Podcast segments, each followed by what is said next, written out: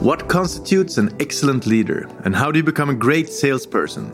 Per Håkon Fasting, head of advertising and sales at Schibsted News Media, elaborates on this. He also talks about new sales opportunities within podcasts and how the pandemic might change the way Schibsted's advertising team will work in the future. Per Håkon, welcome to Schibsted Talks. Thank you very much. When you were appointed head of the advertising in Schibsted, uh, it was pointed out that you're a strong leader. So, uh, in your opinion, what constitutes a strong leader? It's a very good question. I think that um, some uh, degree of um, competence combined with people skills and uh, determination, I would say. And then maybe the most important thing is to work through others and be able to delegate hard and easy tasks. And you have all these traits. I try my best. You know, after many years, I have uh, some experience from many different positions, I would say, which is an advantage in Schibsted that I have 20 years of experience from, from this great company. And this pandemic has meant something new for the leadership. I mean, you have to lead from a distance. How has that worked out for you? As everybody points out, I think that's has went surprisingly well uh, yeah. even though it has some huge challenges. I think it works. And what drives us is, of course, that we we take one week at a time, and we still think that the pandemic will be over next week, and, and we don't we know it won't be, but we we pretend, and we keep we keep on going because this makes us feel better. feels much better. But now you know the spring is here, the sun is shining, and um, I think we can see the end of it now looking forward, will this change how, how the Schibsted advertising team will work, you think, in the future? Absolutely. I think we'll learn first and foremost, we have shown to be more effective and more, you know, flexible than we thought. We, I think we have expanded our toolbox with like two times.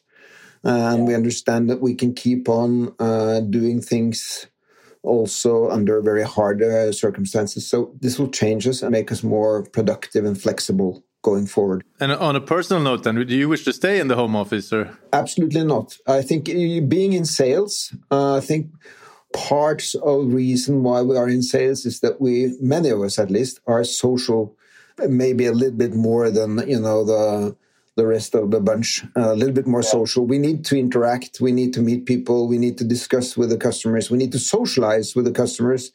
Uh, we we need to laugh. We need to party. We need to you know.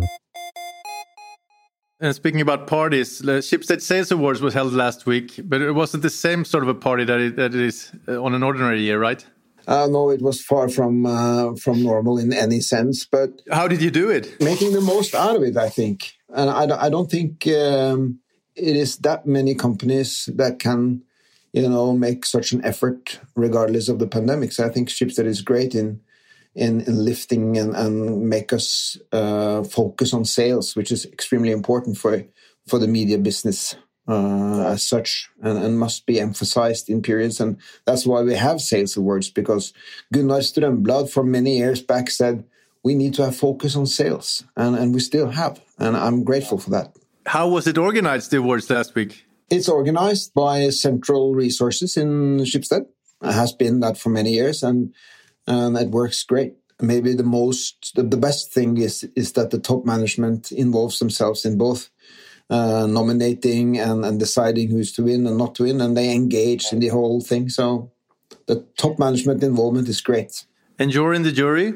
I am, uh, together with many people from the top management team.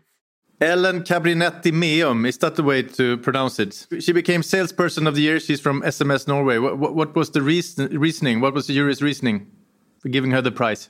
We always uh, start with the, mo the money part of it. So, so you know, the hard evidence is this: uh, uh, um, is this a, a, person that can bring in the in the cash and finance the uh, you know our uh, our mission here in life, which is to finance um, journalism and she has obviously delivered on her budgets and uh, well above uh, expectations in many years. So this is not a one year thing. Okay. And then secondly, she works like, you know, really expanding the toolbox, involving the whole value system we have in SMS, which is, is quite large.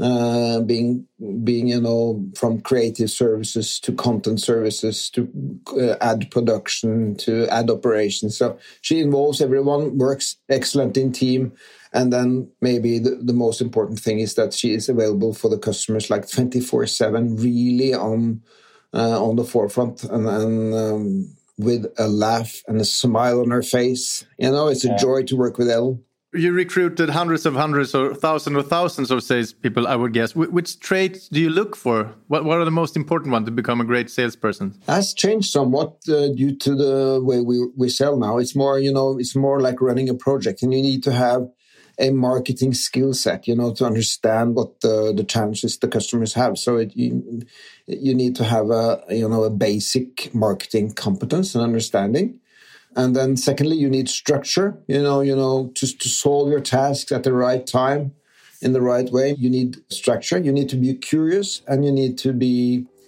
uh, you need to like to meet people, understand people, interact with people. And then you need to be like, you need to be, um, you, you need closing. You need to deliver. You need to find joy in delivering.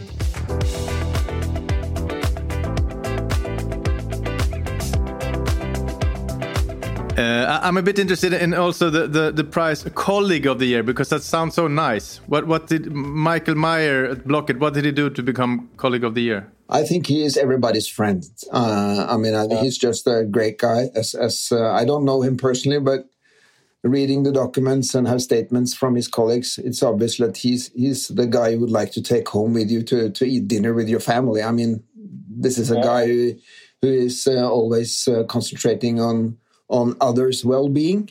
Yeah. yeah, and being there for others. Sounds like a leader, also, doesn't it? Making other people thrive. That's a good um, skill. So I worked for all of the big Swedish media companies throughout my career, and, and in my uh, opinion, Schibsted has by far the, the greatest sales organization. Could you explain why? Why do you think that is? First, I think you're right, and I also been uh, having some um, small stops in other um, uh, publishing companies and I've seen the same. So I think us being a house of very good brands attracts very skilled persons, and then we've built a, a kind of uh, culture based upon very um, dedicated and skilled person. It's a place where you can learn, uh, you can have fun, and it's it's a fine balance between you know being having fun and being re really serious about things. It's, it's a great combination, and it's based upon that we have great people and great skilled persons. And you know that's i think that's the uh, the basis. And then of course our great brands great top management you know all it all adds up. So podcasts that's something new within Schibsted or sort of new. Uh, what, what sort of sales opportunities do you see there in that new industry? This is a very you know uh, intimate format. You know you have your uh, airpods in your ears and you really have a high attention format. So it's yeah. a I think you can really have a message going uh, through there. So that, that's a unique opportunity in our portfolio of products. Now there's some limitations in the reach and the scale of it due to the you know it's still not the mass medium so to say, and it's not uh, that many people that that listen to the same podcast at the same time. So you don't have this impact type of format. If you are a good marketeer, you can you can work with the intimacy and, and then build brand awareness and and maybe also enlarge the brand's uh, association network, so to say. So I think it's, it's, a really good product for us to have. So let's talk about Norway versus Sweden. When you got the job, it was also emphasized that you have a great understanding for the both of the markets. Are there big difference between the markets, Swedish and, and the Norwegian market? There has been a story about differences to my experience, it's not that big a difference. So now the, the, the Norwegian team and the Swedish team are more or less set up the same way. We have segments and, and you know industry categories that we address in the same way. We can use the same type of research. We can use the same type of product portfolio, even though there is some slight differences. But meeting the customers in both countries, you know, they have the same needs, and our strength is more or less the same in both markets, and um, it's it's similar. It's really similar.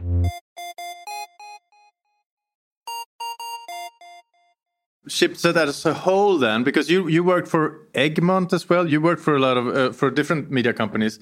What makes Schibsted a great company? Would you say? And are there, and are there maybe downsides as well that we could work on? I think we'll go. We have to go back to the house of brands. I mean, we have um, a portfolio of companies that's really interesting and important for the society.